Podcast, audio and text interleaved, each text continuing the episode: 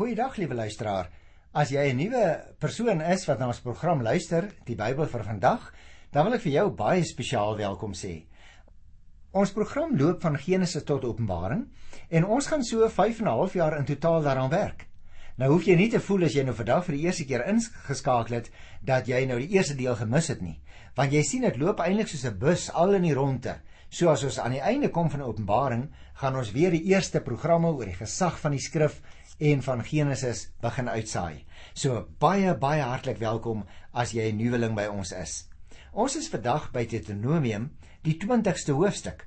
En ons is eintlik besig om 64 verskillende wette wat in hierdie hoofstukke gegee word met mekaar op 'n oorsigtelike manier te bespreek. Die 23ste wet wat 'n mens hier kry in Deuteronomium 20 by vers 1 handel juis oor reëlings vir die oorlog Sommige mense praat ook van die heilige oorlog, soos wat dit in daardie tyd soms genoem is. So kom ek maak net eers 'n paar algemene opmerkings. Want jy sien die heilige oorlog is om godsdienstige redes geveg. Die Israeliete moes naamlik met die besetting van die beloofde land op bevel van God die Kanaaniete uitroei. En hulle stede moes met die banvloek getref word juis vanweë die gevaar wat hulle vir die godsdiens van Israel ingehou het. Die 23ste wet klink so: Wanneer jy teen jou vyande gaan oorlog maak en jy merk hulle het perde en strydwaans en hulle is meer as jy, moet jy nie vir die vyand bang wees nie. Die Here jou God wat jou uit Egipte laat trek het, is by jou. Natuurlik. Ons kom ook maar soms, net soos die Israeliete van destyds, voor oorweldigende en ongelowige teenstand te staan. En of ons dit aantref by die skool, of by die werk of sommer maar net daar by die huis waar ons elke dag rondstap, voel ons ook soms baie hulpeloos. Partykeer voel ons baie in die minderheid as daar meer mense wat anders as ons dink is in die omgewing. Jy sien, die Here die Israelitiese vertroue versterk deur hulle baie duidelik daaraan te herinner dat hy altyd by hulle sou wees en dat hy hulle van al die potensiële gevaar gered, gered het alreeds by voorbaat, né? En daarom kan jy en ek ook veilig voel as ons daaraan dink dat die Here selfs te midde van die grootste probleme by ons is om ons te help en ons by te staan. Nou luister wat staan er in vers 2 tot 4 ten opsig van hierdie 23ste wet. Wanneer jy gereed staan om te veg, moet die priester naderkom en die volk toespreek. Hy moet vir hulle sê: "Luister Israel, julle staan nou gereed om teen julle vyande te veg." Moenie bewe nie, moenie bang wees nie, moenie vrees bevange word nie, moenie vir hulle skrik nie. Die Here julle God gaan saam met julle om vir julle teen die vyande te veg, om julle die oorwinning te laat behaal. Nou ek dink dit moes hulle op 'n geweldige besondere manier versterk het, nie waar nie? Dat die Here sê, onthou, julle gaan in die beloofde land intrek, maar ek sê alreeds vir julle by voorbaat, julle gaan die oorwinning behaal. Sou dit nie fantasties gewees het om dit ook in ons tyd te kan weet wanneer 'n mens as ware die strydperk betree en jy aan jou eie kragte en jou eie vermoë begin twyfel nie luisteraar. Wet nommer 24 handel oor die behandeling van verslaane vyande. En 'n mens kry daar die 24ste wet in Deuteronomium hier by hoofstuk 20 vers 10 tot by vers 18. Kom ek sê miskien net eers weer oorsigtelik. Die vraag sou kon ontstaan: Hoe kon 'n genadige en 'n regverdige God beveel dat gemeenskappe geheel en al uitgewis moes word? Want vir jou en vir my in die tyd waarin ons lewe, liewe luisteraar, is dit tog totaal onaanvaarbaar. Die Here het dit naamlik gedoen om sy volk teen die afgodediens te beskerm. Want dit sou beslis tot hulle val gelei het. Gaan kyk maar in Hoofstuk 20 hier by die 18de vers. Jy sien liewe luisteraar, die feit dat hulle nie daardie volke uitgewis het soos wat God beveel het nie, het juis later in die geskiedenis baie daartoe bygedra dat hulle deur die vyande lastig geval is, dat hulle selfs by geleentheid deur die vyande verdruk is. En dit het uiteindelik tot veel groter bloedvergieting en selfs verwoesting gelei as wat daar sou gewees het as hulle in die eerste plek aan God se beveel gehoorsaam was. Maar luister nou na wet 25 waarin dit dan handel oor die beskerming van boorde. Kyk, dit is natuurlik in ons tyd baie makliker om 'n land wat gesaai is of 'n boord waar daar vrugtebome is te kan omspan met 'n draad nie waar nie. Dan kan ouens wat vrugte steel soos ons gedoen het toe ons nog kinders was, nê, dan kan daai diewe nie so maklik inkom nie. Maar destyds is boorde nie so maklik beskerm nie. Behalwe as jy groot mure of klippe rondom so 'n boord gepak het en dit was natuurlik 'n reuse werk. Maar kom ons luister, wat word nou vir hulle gesê hier by die 25ste wet? Mens skryf dit hier in Deuteronomium die 20ste hoofstuk by vers 19. Luister bietjie daarna. Wanneer jy 'n stad 'n lang ruk beleer terwyl jy daarteen oorlog maak om dit in te neem, moet jy nie sy bome verwoes en dit afkap nie, want jy moet die vrugte daarvan eet. Jy mag dit nie afkap nie, want die bome op die land is nie mense teen wie jy moet veg nie. Dit is baie interessant, né? Dit lyk vir my, liewe luisteraar, dat die Here hier wil sê is die mense is nou gewaarsku Die Here sê ek wil vir julle daarteen waarsku om waardevolle vrugtebome sommer net af te kap. Daardeur is die land ook natuurlik beskerm. Israel het dus 'n vrugbare land betrek tot en met die middeleeue toe die kruisvaders die bome begin afkap het. En toe het hulle nie regtig in die land belang gestel daarna nie. Die Here het dus sy volk op hierdie stadium vroeg in die geskiedenis al gewaarsku daarteen om so iets te doen. Vandag nog is die ekologie, dit is nou die bewaring van die natuur, vir ons natuurlik van die uiterste belang. Daarom sê Deuteronomium 20 vers 20 ook die volgende: Net bome wat jy nie weet vrugte dra wat geëet kan word nie, mag jy beskadig. Jy kan hulle afkap om beleerswerke te bou teen die stad wat met jou oorlog maak, solank jy dit nog nie ingeneem het nie. Nou hierdie laaste versie in Deuteronomium 20 is interessant. Want ek wonder of jy geweet het luisteraar. Argeoloë het die oorblysels van baie van die beskermde stede in Kanaan ontdek.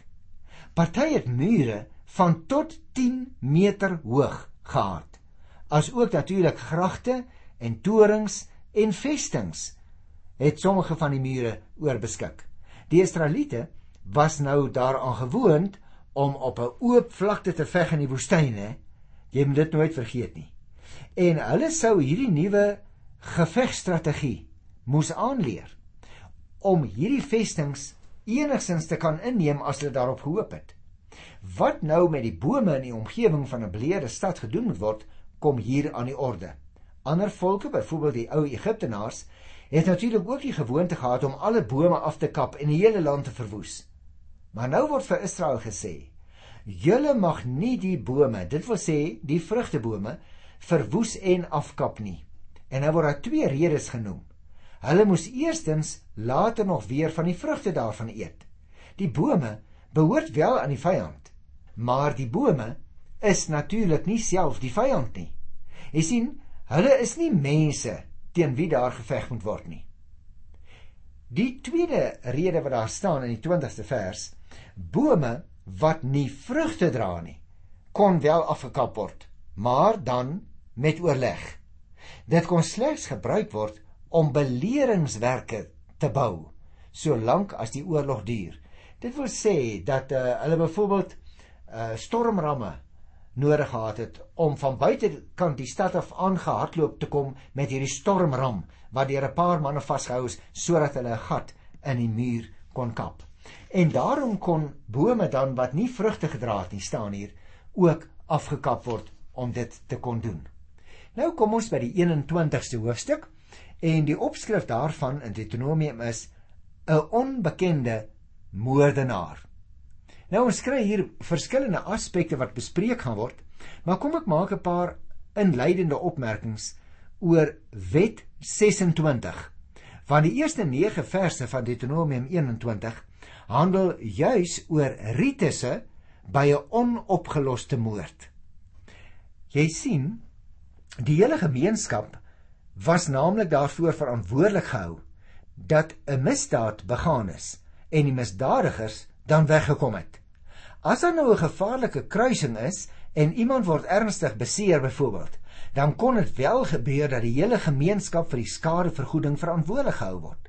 Die Here wou naamlik hê dat almal bewus moes wees en dat almal ook die verantwoordelikheid moes help aanvaar vir die dinge wat om hulle gebeur in die gemeenskap. En dit moes nou vir almal belangrik wees om situasies wat potensieel gevaarlik kon wees reg te stel. Of dit kon nou natuurlik ook op liggaamlike of sosiale of morele gebied wees waar die oortredinge plaasgevind het. En daarom kry hulle hierdie soort van waarskuwings. Ek wil my haas na wet 27 want nou handel dit oor vroue uit kruisgevangenes. En ons kry dit hier in Deuteronomium 21 vers 10 tot by vers 14. Kom ons lees eers daardie gedeelte. In vers 10 staan daar wanneer jy gaan oorlog maak en die Here jou God gee jou vyand in jou mag oor en jy neem kruisgevangenes en jy sien 'n mooi vrou onder hulle en jy kry haar lief en wil met haar trou, dan moet jy haar in jou huis inbring. Nou, liewe luisteraar, deur die reinigingsseremonie kry die vrou nou 'n nuwe heer, 'n nuwe status, ja selfs 'n nuwe lewe. Maar in die lig van die ondergeskikte posisie van die vrou onder normale omstandighede bied hierdie wet nou vir haar 'n totaal nuwe moontlikheid. Met ander woorde, as ek dit andersom kan sê, diskriminasie op grond van geslag was vir daardie mense onaanvaarbaar, net soos in ons tyd ook nog vandag. Want jy sien, hierdie eerste van hierdie aspekte van die wetgewing teen 'n vrou wat geneem is uit die kruisgevangenes het verband gehou met die wetgewing oor oorlogvoering. Dit begin dus met dieselfde woorde as wat ons gekry het in Hoofstuk 20 vers 1 wanneer God hulle vyande in hulle mag gee dan mag hulle en dan gaan die wet res van die wet uh daarmee voort.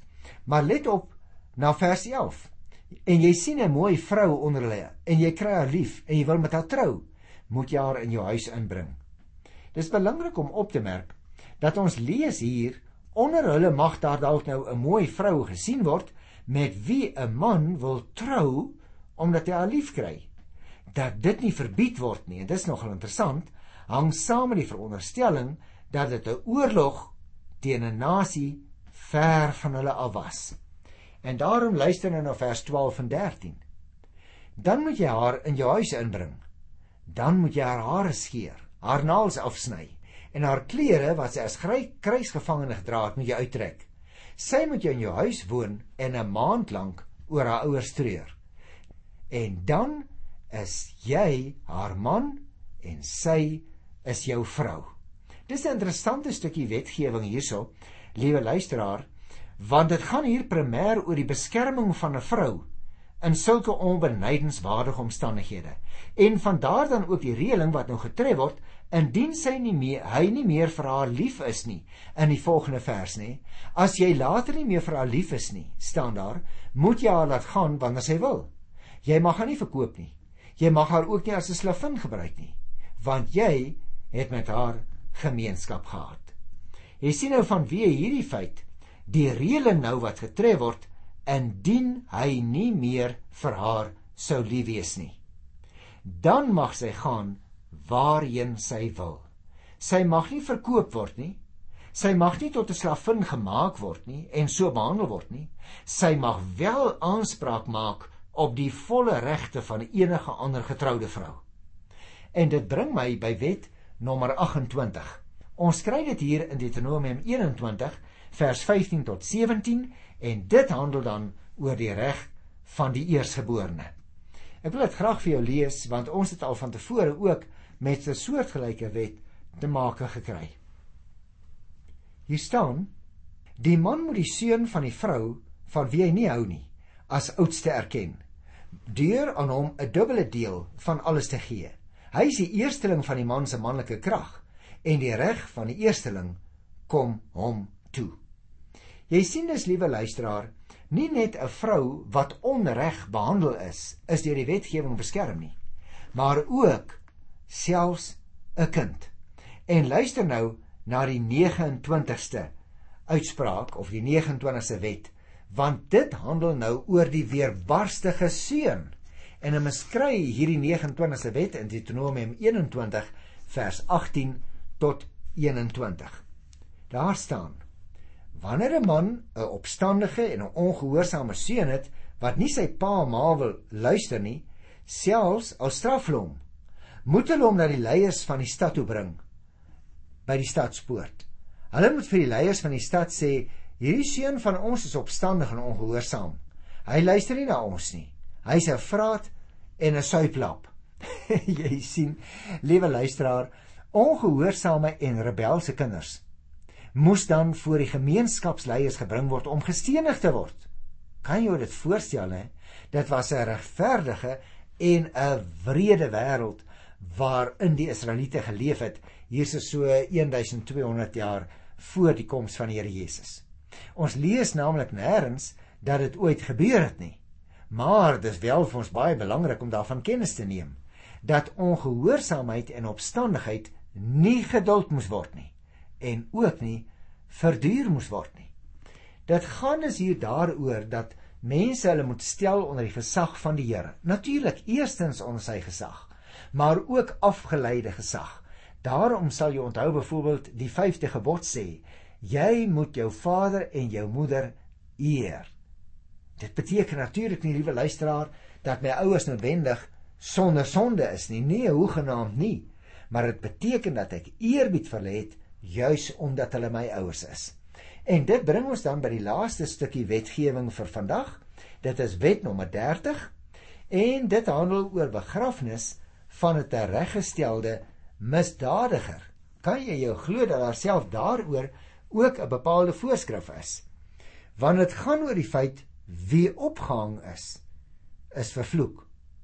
Nou kom ek lees eers hierdie 30ste wet vir jou. Wanneer iemand reggestel word vir 'n oortreding wat die doodstraf verdien en jy hang hom aan 'n paal op, mag sy lijk nie die nag daar bly hang nie. Jy moet hom dieselfde dag nog begrawe, want wie opgehang word, is deur God vervloek. Jy mag nie die land wat die Here jou God aan jou as besitting gegee is, verontreinig nie. En dit, liewe luisteraar, is dus eintlik 'n baie belangrike stukkie wetgewing want dit gaan spesifiek oor die begrafnis van 'n tereggestelde misdadiger. Dit handel dus oor die reinheid van die land. Kom ons gesels daaroor. Jy sien wanneer iemand staan hier nou as gevolg van 'n oortreding die doodstraf opgelê is, is sy liggaam dikwels daar teen 'n paal opgehang. Ook gewoonlik op 'n plek waar ander mense dit kon sien want dit moes ook ander mense so 'n bietjie afskrik nê om nie dieselfde oortredinge begaan nie. Die doodstraf is egter nie net op hierdie manier voltrek nie. Daar was ook ander maniere waarop moordenaars byvoorbeeld tereggestel is. Maar in Israel was dit hierdie manier wat die Here vir hulle voorgeskryf het. En so 'n persoon wie se lijk dan uh afgehaal moes word nadat hy ophang is, die opdrag gekry dat mense daardie lijk nie vir 'n lang tyd daar mag gehang het nie. So nie word die land wat die Here aan hulle gegee het verontreinig. En dit was dus die rede waarom hulle die lijk 'n kort rukkie nadat hy gesterf het moes verwyder. En dit bring my dus by die laaste opmerkingie wat hier gemaak word. Jy moet hom in dieselfde dag nog begrawe, want wie opgehang word, is deur God vervloek. Jy mag nie die land wat die Here jou God as besitting gegee is verontreinig nie. Jy sien liewe luisteraar, so 'n persoon se lijk mag selfs nie eers vir een enkele nag daar bly hang het aan die plek waar hy ophang is nie. Dit moes dieselfde dag nog begrawe word. En so nie word die land wat deur die Here aan hulle gegee is verontreinig. Wie opgehang word, staan daar, is immers deur God vervloek. Hoekom? Vanweë sy misdaad. En daarom, liewe luisteraars, was die kruisiging in die tyd van die Nuwe Testament en wat veral dan in daardie tyd deur die Romeine beoefen is, so 'n skand dood. Net soos hier in die Ou Testament iemand by geleentheid opgehang is.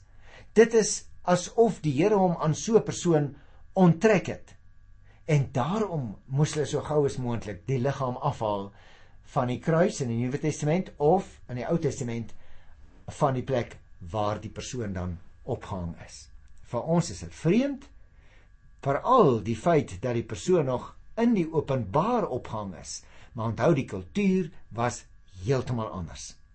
Wat wel nie anders was nie, want dit verander nooit oor die eeue nie, liewe luisteraar, is mense se menings en daarmee probeer ek om te sê dat jy het altyd mense wat misdadigers selfs ter dood sal wil laat veroordeel, veral moordenaars. Aan die ander kant is daar altyd mense wat sê nee, nee, ons kan nie die lewe van iemand anders neem nie. Dit moet ons aan die Here oorlaat. En jy sal weet daar is al lang debatte, deur nag debatte gevoer ook in ons land. En uiteindelik bly hierdie twee standpunte. Wat ons wel nie mag vergeet nie, liewe luisteraar, is dat volgens Romeine 13 die owerheid instrumenteel in die hand van God behoort te wees om byvoorbeeld te sorg dat daar vrede in die land sal wees of dat een persoon of groep nie oor die ander sal heers nie. En daarom moet ons onthou 'n owerheid beskik ook maar net oor afgeleide gesag. En daarom behoort die owerheid ook nie buite sy perke op te tree nie, want uiteindelik is die individu en is ook die owerheid aan die Here ons God verskuldig om verantwoording te doen vir sy optrede. Daarom moet jy en ek miskien maar versigtig wees dat ons nie te maklik uitsprake maak nie. Ons buig in elk geval voor die wet van die land. Tot wanneer mag jy vra? nou dis nie so 'n maklike vraag om te beantwoord nie. Maar ek sou sê as gelowige Christen broer en suster, is dit vir jou en vir my relatief maklik.